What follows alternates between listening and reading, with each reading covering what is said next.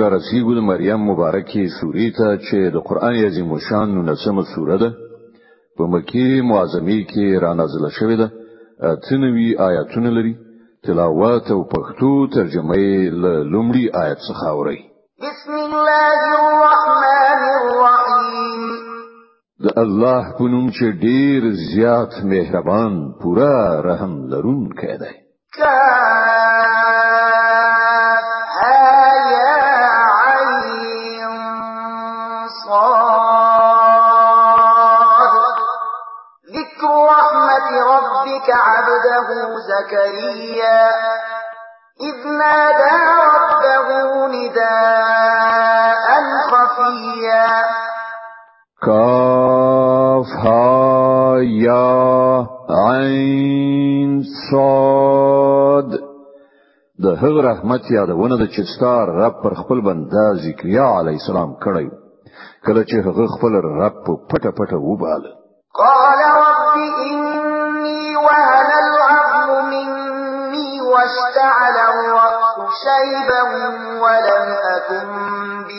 دعائك رب شقيا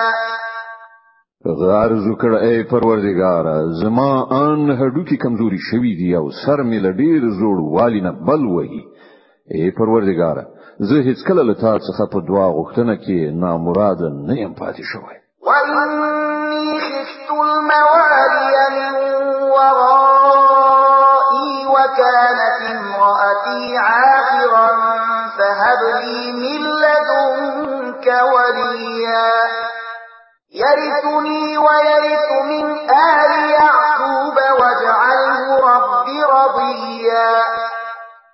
زه له ځانه وروسته د خپل قوم له بدۍ نه ویریږم او زما میرمن شنډه ده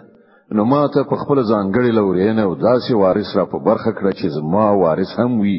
او د یعقوب د کورنۍ میراث هم ومومي او ای پروردګار هغه یو غوره انسان وګرځوه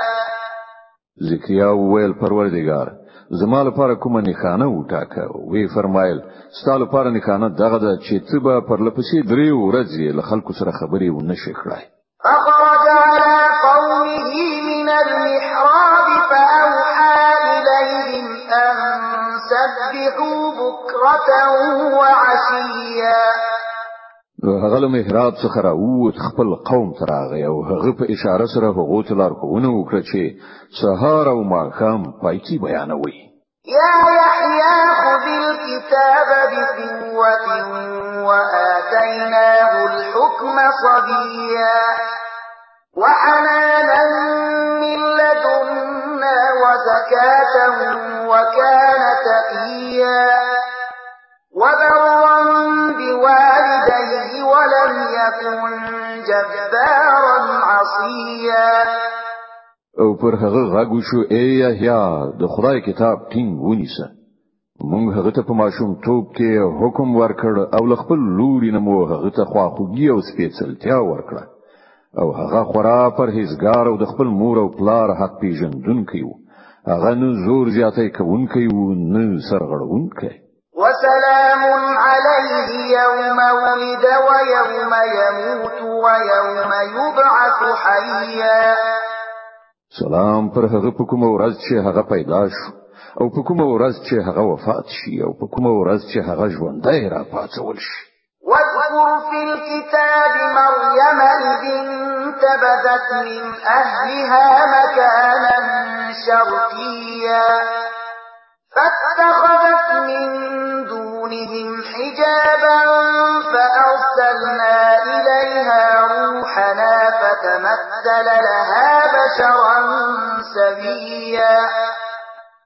او اے محمد صلی الله علیه وسلم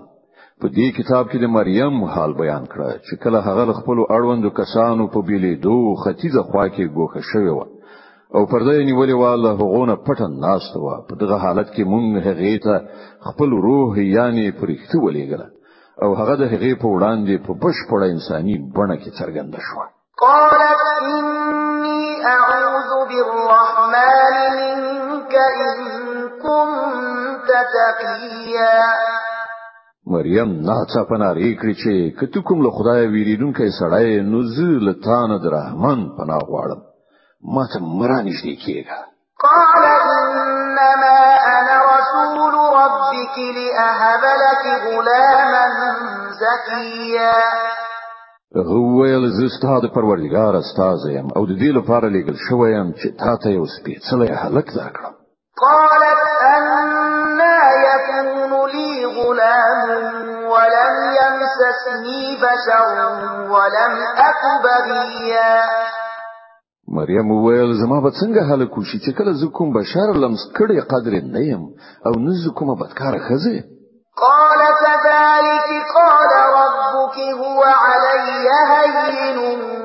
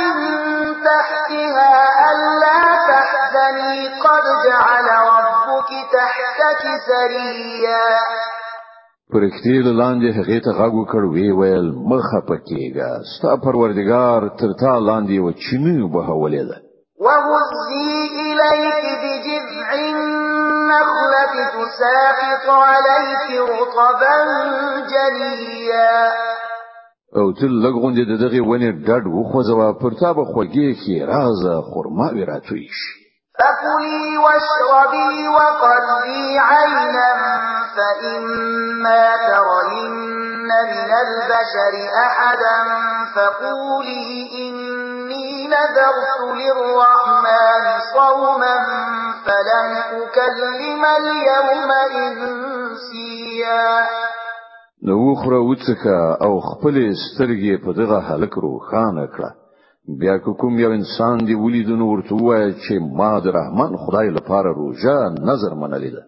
له دې امله نن به زه له هیڅ چا سره خبرې و نه کړم فأتت به قومها تحمله قالوا يا مريم لقد جئت شيئا فريا بیا هغه لدی ماشوم سره خپل قوم تراغله خلکو ویل اے مریم دا خو تاسو تر جرم وکړ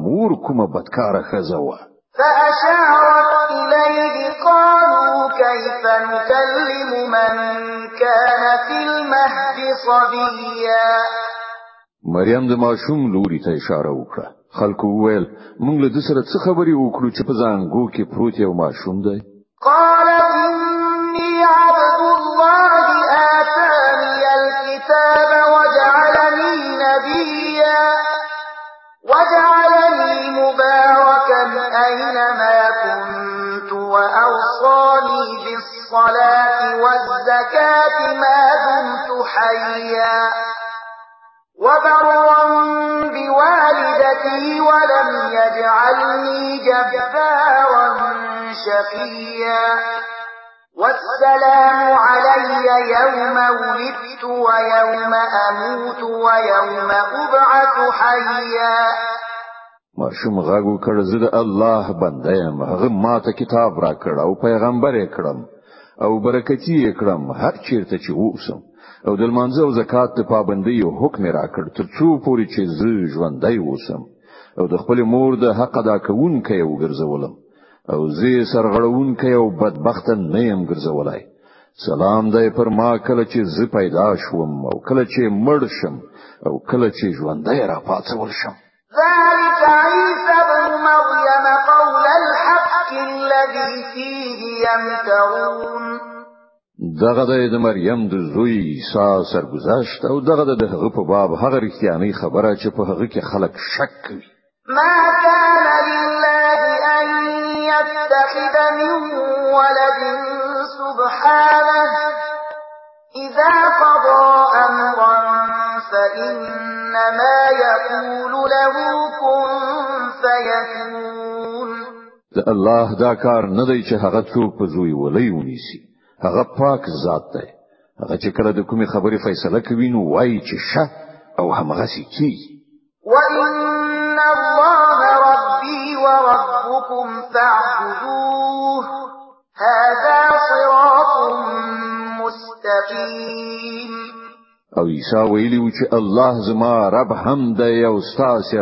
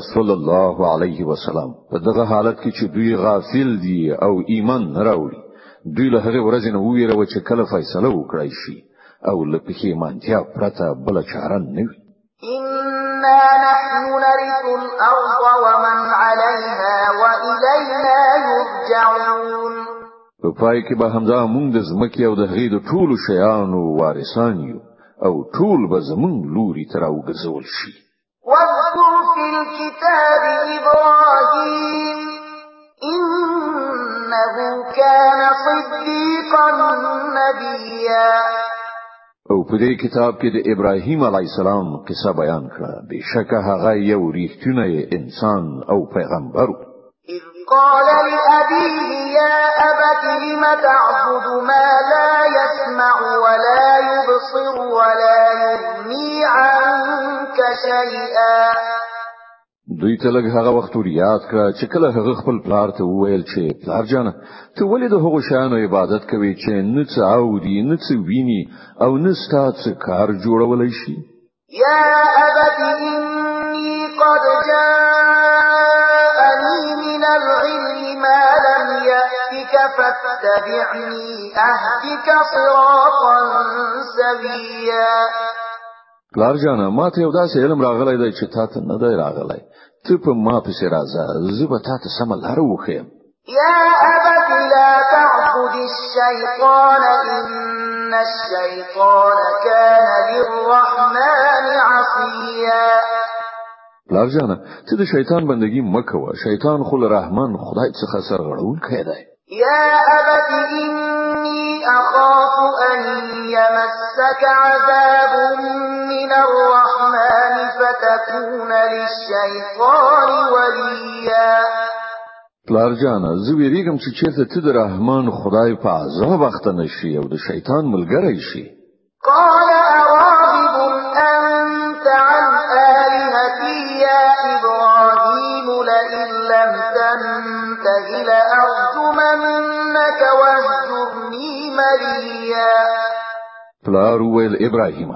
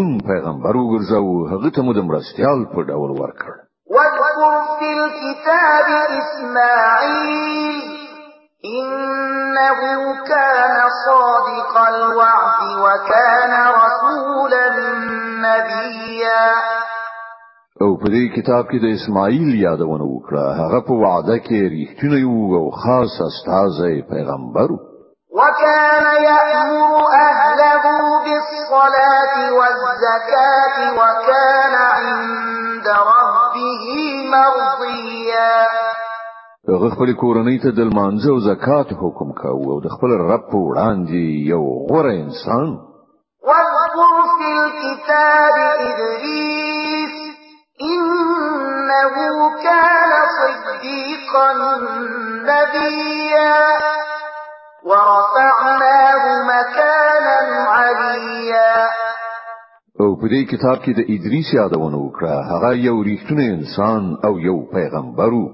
او هغه مونږ لوړ مقام ته خېژولای یو د مریم مبارکه سوره چې د قران عظیم شان نولسمه سوره ده په مکی معظمه کې را نازل شوې ده اتنوي مبارک آیاتونه لري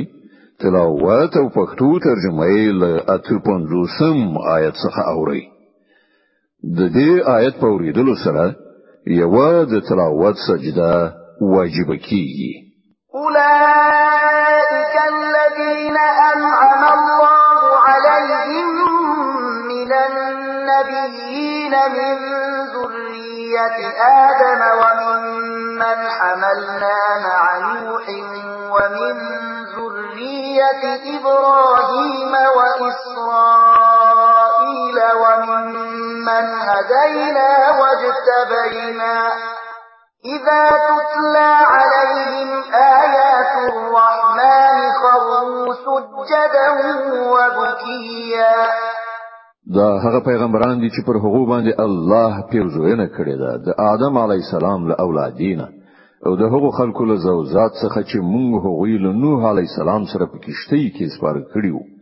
او د ابراهیم علی السلام له اولادینه او د اسرائیل علی السلام له اولادینه او دوی له هغو خلکو څخه وو چې مونږ ورته لارښوونه وکړه او د هغو حال دا و چې کله به د رحمان خدای آیاتونه ورته اورول کېدل نو د جړا په حال کې به په سجده پریوتل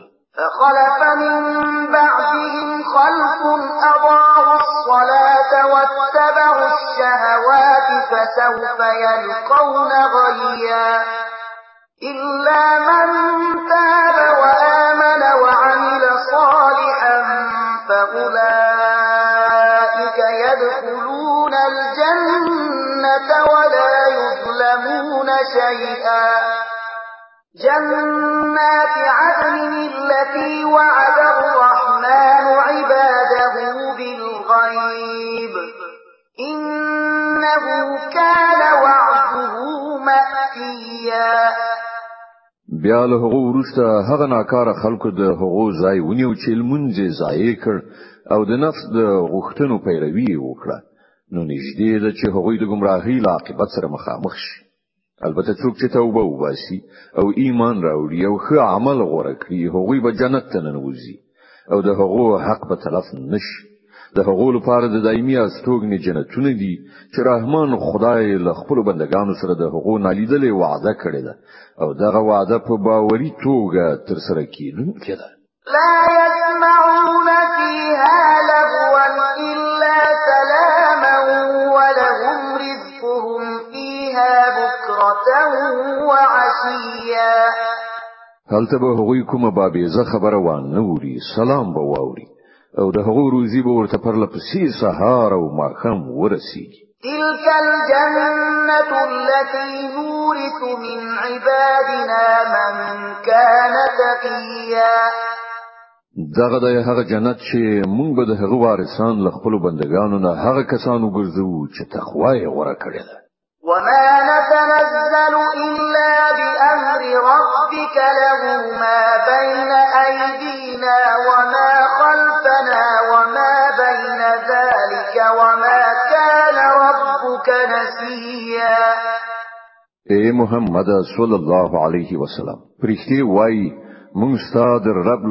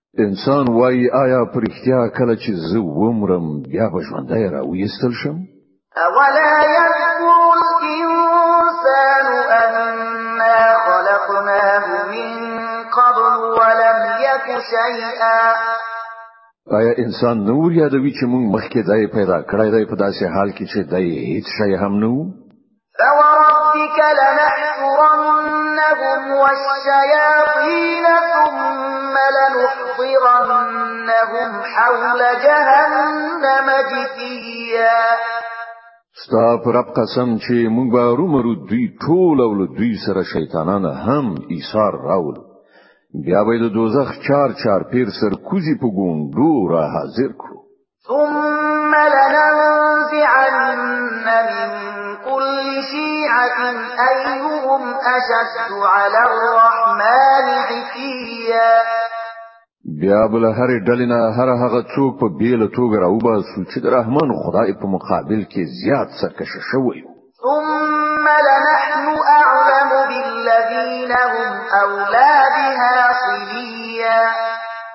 بیا په دې باندې موږ په هیو چې له هغونه کوم یو تر ټولو زیات په دوزخ کې د غورځېدو وړ دی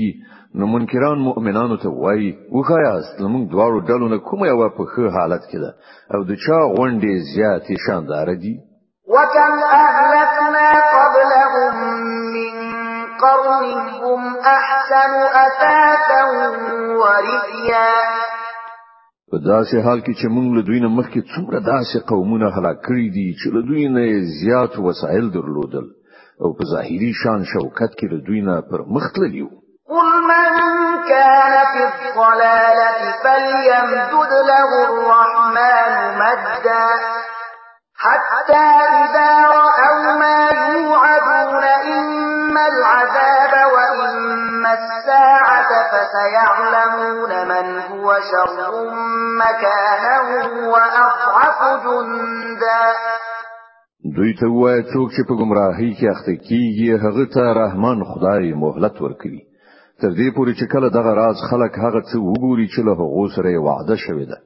که هغه د الله عذاب وی او که د قیامت ساعت نو بیا هله ورته څرګندېږي چې د چا حال خراب دی او د چا ډله کمزورې ده ويزيد الله الذين اهتدوا هدى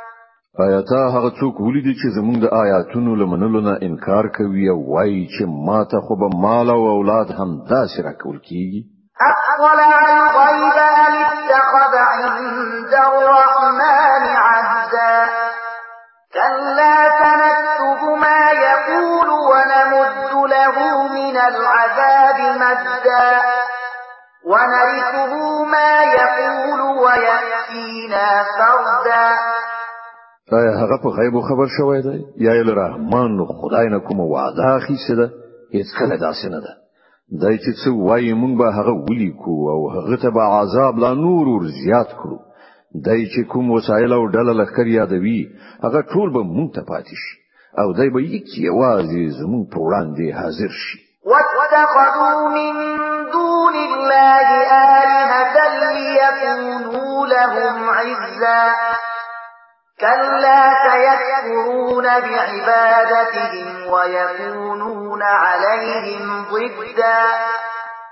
دوی له الله نه پرته خپل څه خدایان نیولې دي تر څو چې هغوی د دوی ملاتړ وي هیڅ ملاتړ به نه وي هغوی ټول به د دوی له عبادت نه منکر شي او برعکس د دوی پر خلاف دریس به ونیسي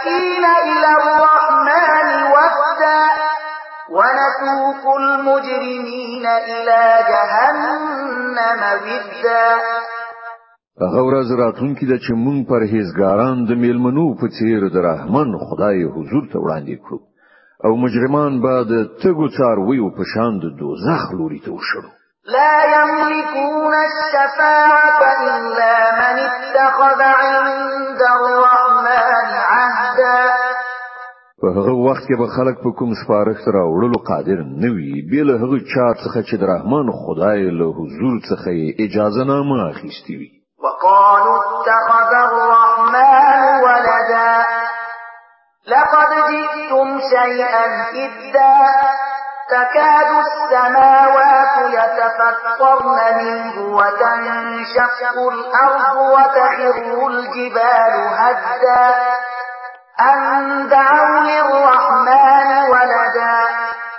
غوی وای چې رحمان خدای څوک په زوی ولې نیولای دی ډیره بابي زه خبره ده چې تاسو جوړه کړې ده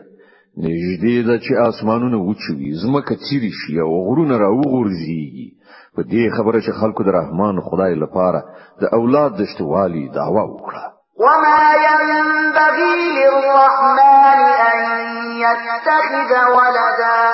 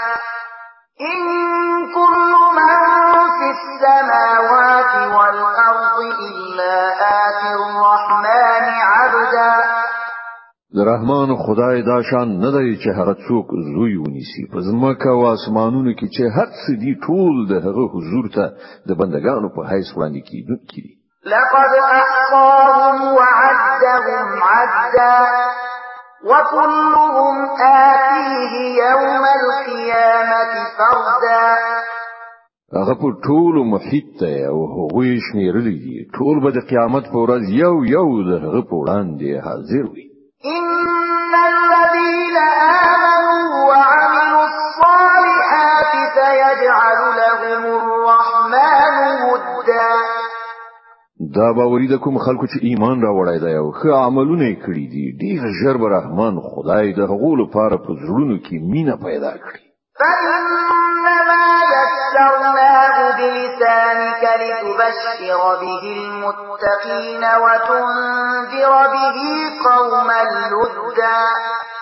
نو اے محمد صلی الله علیه وسلم دغه کلام مونږ آسانه کړی دی ستاسو په ژبه مو د همدی لپاره نازل کړی دی چې ته پر هیڅګارانو ته زیری ورکړي او متعصب خلکو ته اختار ورکړي